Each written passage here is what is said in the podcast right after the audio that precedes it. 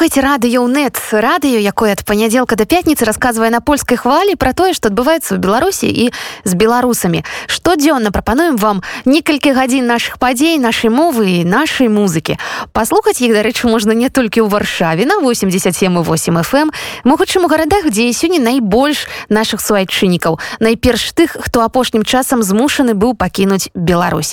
Гэта кракаў вроцлаў лодзь беластока яшчэ вільня і Кіев у гэтых сталіцах ёсць наши студыі сустракаемся і ў онлайне на внет кропка фм ну і все за кулісе ў наших сацыяльных сетках. Шаноўна гаспадарства заставайцеся на нашай хвалі нагадаю што сёння для вас працуюць Аліна крамко і гукарэжысёр мілаш дуда і да іншых падзей перакрочыць межы у варшаве пакажуць насцю па аднайменнай навеле владимира сорокіна эскіз да спектакля на малой сцэне тэатра павшехнага прадставіць міжнародная каманда акцёры з польшчы украіны і нашай краіны ставіць скандальную гісторыю беларускіх беларускі рэжысёр юра дзівакоў.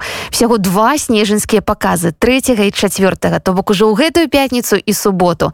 Напярэдадні прэм'еры я зазірнула ў тэатральнай закулісіі сёння раскажу вам чаму насця гэта падзея з адзнакай маст сі сябры пераносімся ў тэатр паўшэхны. Цяпер я знаходжуся менавіта тут на гэтым самым месцы на перакрыжаванні алеі зелянецкай і вуліцы замойскага. На пачатку два стагоддзя знаходзіўся дарэчы кінотэатр у канцы 1944 тут збіраецца акцёрская каманда якая літаральна праз год дае свой першы спектакль. І вось так кінотэатр становіцца папулярным тэатральным асяродкам. І менавіта тут цяпер працуюць беларускія артысты. За дзень да прэм'еры размаўляем пра спектакль. с ставіць які юра дзівакоў. Спадар юры гісторыя адыёзная гісторыя скандальная. Працаваць такім матэрыялам. Які гэта выклікі для рэжысёра якія гэта выклікі для гледача цікава это цяжкае пытанне но і мне падаецца што любы твор можна так сказаць што любы твор можа быць выклікам самы які можа быць не самы цяжкі можа быць як бы на першы погляд але потым гэта можа ператварацца вельмі непрыемныя тут былі канешне свае рэчы тому что па-першае тут быў рабіўся пераклад для гэтага на гэты тэкст на польскую мову. Восьось і было розныя варыянты ввогуле напісанне нават тыя складанасці якія там напісаны ў тэксце якія можна як бы разглядаць напрыклад як зрабіць як спаліць там насцю ці што-нибудь іншае як бы ну запече больш магчыма было праблемы і пытанне ў пошуках актору якія павінны былі удзельнічаць у гэтым тому что беларускі склад актору ён зладзіўся амаль то адразу а вось наступным чынам калі мы чакалі ўжо яшчэ дадатковага актора і акторку это было крышку цяжка тому что мы чакалі пераклад і потым уже гэта все здарылася і вось амаль што там за вельмі малы час гэтыя людзі як Артём мануйлов і Наталя лангі яны проста як бы ўвайшлі ў гэтую працу і вось ну так. Пра што гэты спектакль? Я попросила вас адказаць і з перспектывы як бы сюжэты ліні і з перспектывы рэжысёрскай задумы. Сям'я сабліны спальвае сваю дачку і запрашае сваіх знаёмых на е дзень народзін і ў гэты дзень народзін яны проста і спальваюць і потым і з'едаюць і там ператвараюцца раз там розныя з імі адбываюцца розныя рэчы я фу, вельмі цяжка казаць бо пра што спектакль тому что спектакль еще пакуль што няма і розныя там узнікалі тэмы і адна з таких цікавых тэм што на Насця атрымоўваецца нейкай няхну яна не ахвяра яна як падстава на разважанне альбо падстава на погляд і каб мы паглядзелі на гэтых людзей якія зжыраюць у гэты апаведны момант. На бацькоў і тых хто прыехалі ў гэтую сям'ю пачаставацца іх дачкой. Гэта такая ёсць чалавек які дае магчымасць нам пабачыць нейкую шматлікасць усялякіх розных дзеянняў адчуванняў што з намі адбываецца или ввогуле проста што адбываецца з чалавекам у той ці іншы момант. Такая одна такая адна з тэм бо это вельмі цяжка адразу так адказаць ну. Мы зараз знаходзімся ў тэатры павшэхным. Ваше адчуванне гэтай прасторы гэтай сцэны там што таксама ў нейкім сэнсе ўзаемаадносіны рэжысёра і вось з гэтымі ўсімі з'явамі uh -huh. так бы мовіць. Ну так конечно наше наше прыбыццё тут это конечно вельмі прыемнае адчуванне. І тут вельмі конечно цудоўная прастор вельмі цікавы тэатр. І э, калі ты прыязджаеш напрыклад напрыклад у адзін 19 годзе і бачыш тут спектакль потым ты праз тры гады амаль што у гэтым самым тэатры ты ўжо ладзіш нейкую ну ладзіш там сваю працу это вельмі просто узюшвае нават просто на у форме такой некай містыкі ці што-нибудь яшчэ яшчэ можна да гэтага дадаць нам вельмі усім прыемна всем вельмі комфортна незалежна там ад тых розных тэхнічных рэчаў якія заўсёды адбываюцца напроціў просто вялікае задавальненне прастора вельмі цудоўная як бы такая ну, яна прозная не ведаю за са сваімі там нейкімі прыватнасцямі з рознымі адчуваннямі і Ці няма такой ну белай вядома зайздрасці двукосе зайздрасці да людзей які працуюць сапраўды маюць тэатр маюць грымёркі маюць гэты пах кожны дзень гэтую магчымасць прыходзіць на працу слухаць я не ведаю я уже давно такого не адчуваў адзінае просто что я Максіма маеш зайздрасць на тое что ёсць прастору якой можна канешне працаваць і з тэхнічнымі сродкамі. Гэта першае месца дзе мы працуем у адпаведнай такой прасторы якая называется як бы дзяржаўны тэатр так дзе які знаходзіцца уся ўсё абсталяванне якое нам на карысць. Час у творчасці гэта вельмі часта сінонім якасці але ў сённяшніх варунках яго заўсёды не хапае і творцы змушаны рабіць усё вельмі хутка як хутка вы мусілі зрабіць усё тое што мы ўбачым неўзабаве калі не памыляюся дзесьці было паўнавартасна у нас было 10 три тыдні і з чаканнем актораў гэта было яшчэ менш некаторых якія да сённяшняга часу знаходзяцца таксама ў стане таго каб увайсці ў нейкі там до конца гэты працэс ну было не вельмі шмат часу тому что першае было была прапанова як чытанне перфарматыўна а потым уже то узнікла як сцэнічна эскіз да спектакля. Zamknęliśmy ją w szafie wyła, a na trzecią umilkła. У нас тут такая інтэрнацыянальная супока атрымалася і я могу просто пазайздросціць сабе ў тым што я уже не маю тут ну я не бачу нейк меж у нейкім непаразуменні адзін аднаго толькі может быть там нейкі там бар'ер там на мовы ці что-нибудь іншае такое якая просто паскорвае альбо марудзіць камунікацыю что-нибудь у вас засталося да прэм'еры літаральна пару дзён. Ці вы можете расказаць як праходзяць у рэжысёра гэтыя дні за пару дзён да прэм'еры? Слухайте ну я б з задавальненнем заставаўся просто ў тэатры спаў бы тут але ну вельмі цяжка я, я, я так давно так цяжка не было просто фізычна я вельмі хочется спаць але мозг не дае просто на адпачынак. І калі ты прачынаешься там у три гадзіны ночи альбо дзве гадзіны ночи ты уже не спіш да до 12 до гадзіны ночи только можа две гадзіны на сутки паспаць і все больш ты не спіш. Это такое ну як бы і прыемнае адчуванне але яно просто высасвае моц неверагодна. Я вельмі вельмі як бы это дзіўна не гучала я стаміўся уже ну про фізічна просто стаміюсь інтэлектуальна я вельмі задаволен а вось фізічна вельмі цяжка уже просто трэба уже все крышечку падтаміліся я так так разумею просто неяк трэба нам можем усім адпачынак толькі два показы чаму варта ўбачыць насцю просто это настя все потому что настя сорокина это это тое што патрэбна чытаць і тое што патрэбна глядзець Ну а мы цяпер паслухаем музыку да спектакля. Гукавую дарожку пастаноўкі стварыла дарэчы таксама беларуская аўтарка ольга падгайская яе творы сёння здобіць наша ўяўнае падарожжа па тэатральным закулісе мы слухаем лейтматыў насці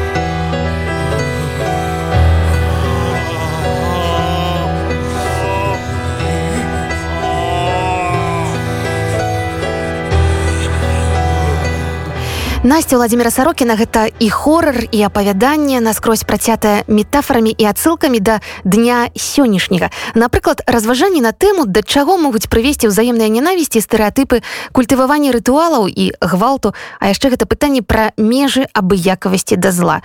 Пытанні, якія так балюча сёння гучаць і ў беларускім грамадстве. Пра тое, як працуецца над пошукам адказаў, расказвае Дар'я Новік. Колішняя актрыса сталічнага тэатра тэрыторыя мюзікла таксама цяпер знаходзіцца ў варшаве ў акцёрскай рэзідэнцыі і працуе з рэжысёрам Юрам Дзіваковым. З ім адчуваеш свабоду, з ім адчуваеш палёт ідэй палёт усякіх мыслей. Мне больш падабаецца сама праца падгатаванне само чым ўжо не спектакль канешне гэта самае класна але ж рэпетыцыі былі неверагодныя Вось 100 чалавек будзе глядзець 10 чалавек будзе іграць ці 20 і ў кожнага гэта будзе гісторыя пра сваё для вас пра што гэта гісторыя Ой у гэтым спектаклі жудасным ёсць галоўны такі слоган гэтага спектакля пераступ переступі пределы приступі пределы Ну і для мяне гэты спектакль таксама гэта гэтыя словы переступіць пределы і для меня для мяне яны вельмі тут э, вялікую ролю э, грае тому что у гэтым спектаклі я пераступаю шмат пределаў. Я ніколі не працавала голая на сцэне ніколі не пела голая на сцэне ніколі не не лежала у не будемм называть гэта турна назовем гэта акварыум ніколі не лежала больш часу у акварыуме поэтому для мяне канешне тут шмат я пераступаю сваіх прыделаў так. Ну і канешне гэта ўсё звязана з тым што мы зараз усе переступаем прыделы тому что мы знаходзімся ў такім стане что нам мы вынушаны былі вымушаны былі з'ехаць зараз усе переступаем свае прыделы там тому что мы не, не думалі об гэтым і э, зараз перажываем сваё жыццё которое мы не думалі что яно будзе таким. Акцёрская прырода наколькі яна можа скажем так здрадзіць табе калі ты здрадзіў сабе пайшоў на нейкія кампрамісы. Для мяне гэта вельмі цяжкая гісторыя тому что э, я сутыкнулася з гэтым у беларусі зараз з тым что э, мы выходзілі усе на сцэну казалі такія высокія словы аб тым что мы павінны штосьці рабіць. І гэта ўжо было не не год не два гадоў 10 і столькі мы рабілі спектаклі дзе нам гледачы казалі дзякуй за, за тое што яны самі там штосьці перамыслілі ў сваёй галаве. І потым пасля гэтага адбылося ўсё што адбылося.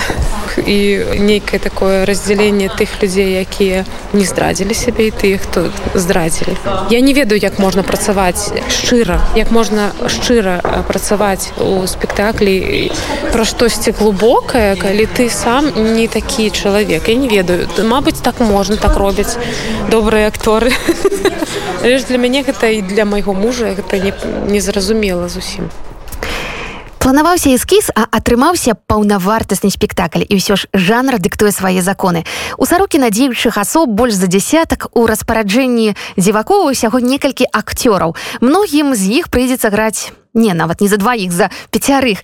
Колішні акцёр рэспубліканскага тэатра беларускай драматургіі Мікалай Стонька дзеліцца перад прэм'ернымі ўражаннямі сказаць что гэта якая-небудзь адзіная роля. Так не магу тому что калі по-польску сказаць шкіц тэатральны альбо такая заявка на спектакль таму тут так это атрымліваецца что падчас спектаклю мужчынскія ролі выконваем мы з артёмам разам якая змена ідзе.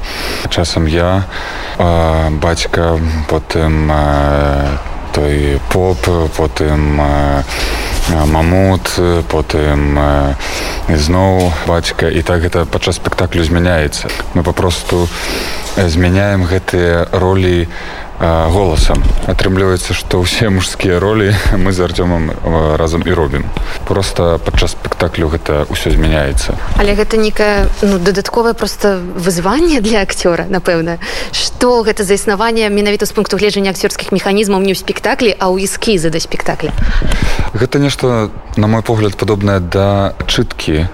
Самая простая чытка ідзе з калі мы чытаем тэкст з лістоў все з паперамі у руках. А тут не гэтых папер у нас няма тэксту няма гэты тэкст увесь у нас у галаве а мы робім гэта як заявку на спектакль і таму атрымліваецца што усе гэтыя пераходы з адной ролі на другую яны адбываюцца ўнутры акцёра і ты просто сам пераключаешься включаешься з аднаго на другога і часам атрымліваецца так что нават няма дыялогу паміж акцёрам акцёрам а ты сам.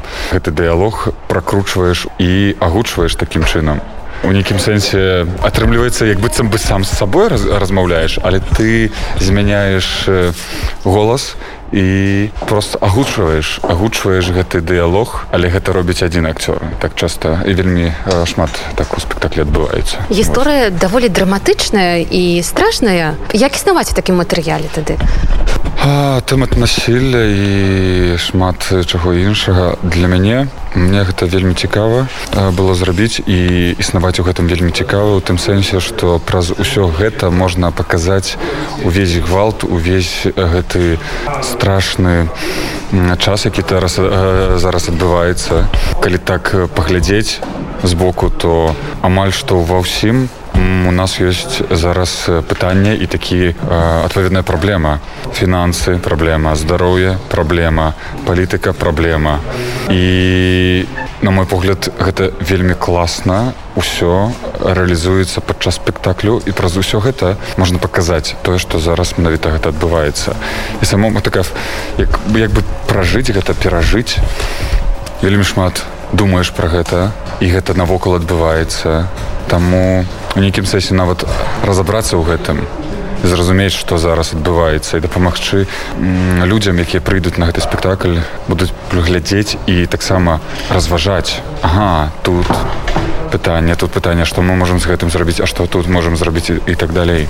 Так гэта цяжка але гэта трэба прапрацоўваць. І такім чынам на мой погляд падчас спектаклю можна так папрацаваць над гэтым як працуецца з камандай з акцёрамі таму што гэта не трупа гэта гісторыя так скажем у нейкім сэнсе атрыпрызная вы сабраліся для таго каб зачытаць прадставіць нам эскіз. І што гэта вось за момант этой прыціркі і якое гэта шчасце ад гэтай прыціркі? Такая з аднаго боку атрымляецца такая еўрапейская сістэма еўрапейскі сістэм. З некаторымі я канешне ўжо працаваў яшчэ калі быў у беларусі але тут атрымліваецца што і акторка з польльшы і тэкст у яе там на польскай мове мы размаўляем у большасці на рас... на рускай мове. Ну так гэта такое пашырэнне зоны комфорту і гэта цікава і гэта класна калі ты пачынаеш знаходзіць новыя бакі паразумення каб ну і такім чынам гэта такое развіццё развіццё гэта цікава мне цікава існаваць у гэтым. Калі новыя людзі новыя новы досвед і падчас працы на спектаклем хто як працуе мне было цікава глядзець і сачыць за тым як напрыклад Наталя польская акторка працуе як яны гэта робяць такі ўзаемаабмен вопытам у гледача сваё прачуванне падзеі прэм'еры якое гэта прачуванне будзе ў вас? Вось ужо літаральна праз колькі дзён гэта такое прачуванне таго што гэта адбудзецца гэта як такая радасць задавальнення якое я атрымліваў і зараз яшчэ атрымліваю падчас рэпетыцыі это тое чаго мне вельмі вельмі не хапала на жаль гэтага цяпер у польльшы калі я прыехаў гэтага вельмі мала мне гэтага не хапае. І тое што зараз такая магчымасць з'явілася каб папрацаваць у сваёй прафесіі з новымі акторамі з польскімі для мяне гэта радасць я не ведаю гэта як рыхтуешся да народзінаў дзіцяці ты падчас гэт, у гэтага яшчэ не адбыўся не адбыліся гэтыя роды а ты ўжо адчуваеш гэтую радасць і шчасце а потым калі гэта адбу адбудзецца гэта яшчэ больш навозі для мяне такое адчуванне отец дурч лейден фреуд мамут вы это серьезно Отец – абсолютно. Мамут – любопытно. Поясните, пожалуйста. Отец – боль закаляет и просветляет. Обостряет чувства, прочищает мозги. Мамут – чужая или своя. Отец, в моем случае, чужая. Мамут, ах, вот оно что. Значит, вы по-прежнему неисправимый ницшанец? Отец, и не стыжусь этого. Мамут, вот тена. А я-то надеялся, что приехал на ужин к такому же, как я, гедонисту. Значит, вы зажарили Настю не из любви к жизни, а по идеологическим соображениям. Отец, я зажарил свою дочь, Дмитрий Андреевич, из любви к ней. Можете считать меня в этом смысле гедонистом. Маму, какой же это гедонизм? Это толстовщина чистой воды. Лев Ильич, Лев Николаевич не жарил дочерей. Отец, да и не любил их. Мамут, демагогия. Ницше вам всем залепил глаза. Всей радикально мыслящей интеллигенции. Она не способна просто и здраво видеть сущее. Нет, это бред какой-то всеобщее помешательство, второе затмение умов. Сперва Гегель, на которого мой дедушка молился в буквальном смысле слова, теперь этот усатый. Отец, что вас так раздражает в Ницше? Мамут не в нем, а в русских ницшанцах. Слепота раздражает. Ницше не добавил ничего принципиально нового к мировой философской мысли.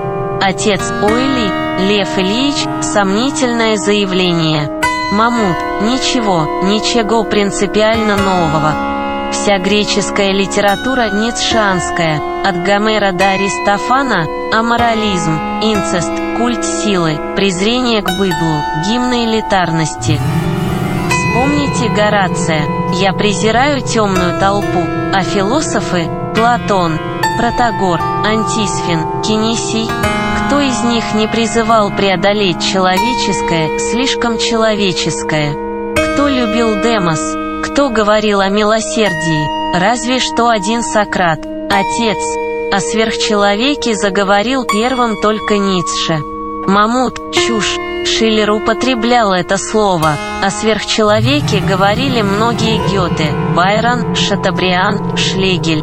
Да что, Шлегель, черт возьми, в статейке Раскольникова весь ваш Ницше. С потрохами, Аставрагин, Версилов – это не сверхчеловеки? Свету провалиться, а мне всегда чай пить. Отец Андрей, все великие философы подводят черту. Так сказать, общий знаменатель под интуитивно накопленным до них. Ницше не исключение, он же не в чистом поле философствовал – Отец Ницше не подводил никакого общего знаменателя, никакой там черты.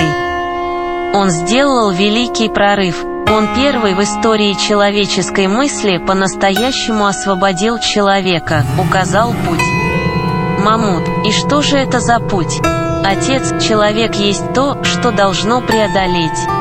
Вот этот путь. Мамут, все мировые религии говорят то же самое. Отец подставляет другую щеку, мы ничего не изменяем в мире. Мамут, а толкая падающего, изменяем? Отец, еще как изменяем. Освобождая мир от слабых, от нежизнеспособных, мы помогаем здоровой молодой поросли. Мамут, мир не может состоять исключительно из сильных полнокровных. Мамут, Попытки создания так называемого «здорового государства» были «вспомните Спарту». И чем это кончилось? Все те, кто толкал падающих... Музыка да спектакля Настя пана Вэлі Сарокіна сёння гучыць у нашым эфіры, а гучыць з нагоды прэм'еры спектакля, якую рыхтуе беларуская група пад кіраўніцтвам рэжысёра Юры Дзівакова. Кацярына Ермалович, яшчэ адна прадстаўніца беларускай акцёрскай каманды і колішняя артыстка новага драматычнага тэатра ў мінску. Сыграю спектаклі маму насцем. Прызнаецца, матэрыял хоць і складаны, але як глыток свежага паветра. З калегамі ў гэтым сэнсе адзінства, бо сцэна галоўная кропка прыцягнення ў жыцці. Я прочитал две книги Ницше. Талантливо, но в целом мне чужда его философия. Отец, зачем тебе, брат, философия. У тебя есть вера. Отец Андрей, не фиглярствуй. Мы, мы артисты, мы тоскуем уже даже в процессе. Когда заканчиваешь одну работу и начинаешь другую, ты в перерыве уже тоскуешь. Но сейчас, конечно, такие обстоятельства, что просто стало очень мало работы в связи с ковидом, очень сильно ударило. Поэтому мы, да, мы сейчас в тоске. Сейчас мы думаем, как это когда закончится все, как, как же дальше нам быть. Ну, собственно, а что чувствует актер после спектакля? Зритель уходит с одними эмоциями. А что это, когда ты закрываешь на ключ свою гримерку, условно говоря?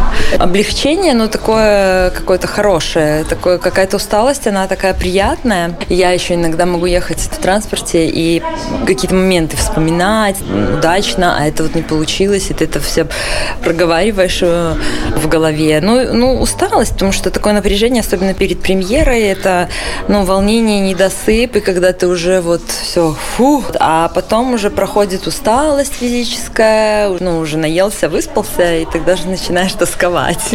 Хотя в какие-то моменты, когда такой график плотный, ты как-то уже думаешь, боже, хоть бы, ну, хоть бы вот полежать, отдохнуть. Что это такое для актера работать с режиссером Юрой Деваковым?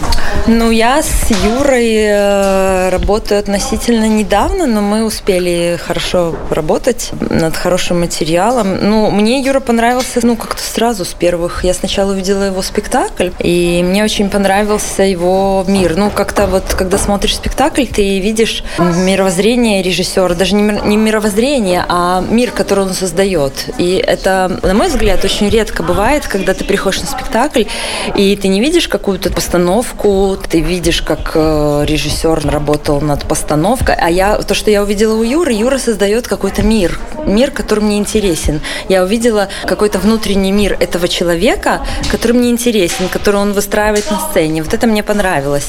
У него свое, свое какое-то видение, оно не всегда может быть понятно, когда смотришь спектакль, потому что все равно у тебя какие-то свои возникают ассоциации. Но когда с ним работаешь, так думаешь, боже, так все понятно, все так оправдано, все эти какие-то метафоры, они все не просто какие-то случайные, а они и так думаешь, а, это оказывается вот это. Иногда у него спросишь там, а зачем я вот это здесь делаю? Он говорит, и так думаю, а, это, а, точно, действительно, как-то я так сама не догадалась. Но мне работать очень легко. Про что для вас эта история? Вот я недавно смотрела передачу про э, жену Толстого. А это такая несчастная женщина. Она принесла себя в жертву этому таланту. И я сиди, слушала и размышляла там на основе ее дневников, и я размышляла, а стоит ли такой большой талант, такого большого несчастья этой женщины, которая, в общем-то, тоже обладала талантами, которая тоже выучилась и тоже даже что-то писала. Но ее выдали замуж, когда ей было 18 лет, и с тех пор она просто рожала детей. Она рожала детей, и все, и вся ее жизнь была подчинена мужу, а муж ее, как она сама сама писала в дневниках, использовал только для удовлетворения каких-то своих там потребностей, о чем он, собственно, и писал, например, в Крейцеровой сонате. Описывал их взаимоотношения, а эта женщина испытывала такую дикую тоску и одиночество, и нереализованность, ведь ее даже не понимали ее собственные дети, когда она там влюбилась уже в позднем возрасте, влюбилась в мужчину. Я представляю, для нее это, наверное, такая была какая-то. И вот эта история, наверное, и моя героиня, я просто подумала, что это очень созвучно с моей героиней, не матерью Насти. А, ну да, наверное, это история о том, как какие-то обстоятельства в обществе или внешние какие-то независящие от тебя, от тебя обстоятельства, и твоя жизнь складывается так, как ты не хочешь. И кто знает, кто в этом виноват. Иногда ты сам, иногда ну, по-другому тебе не получается.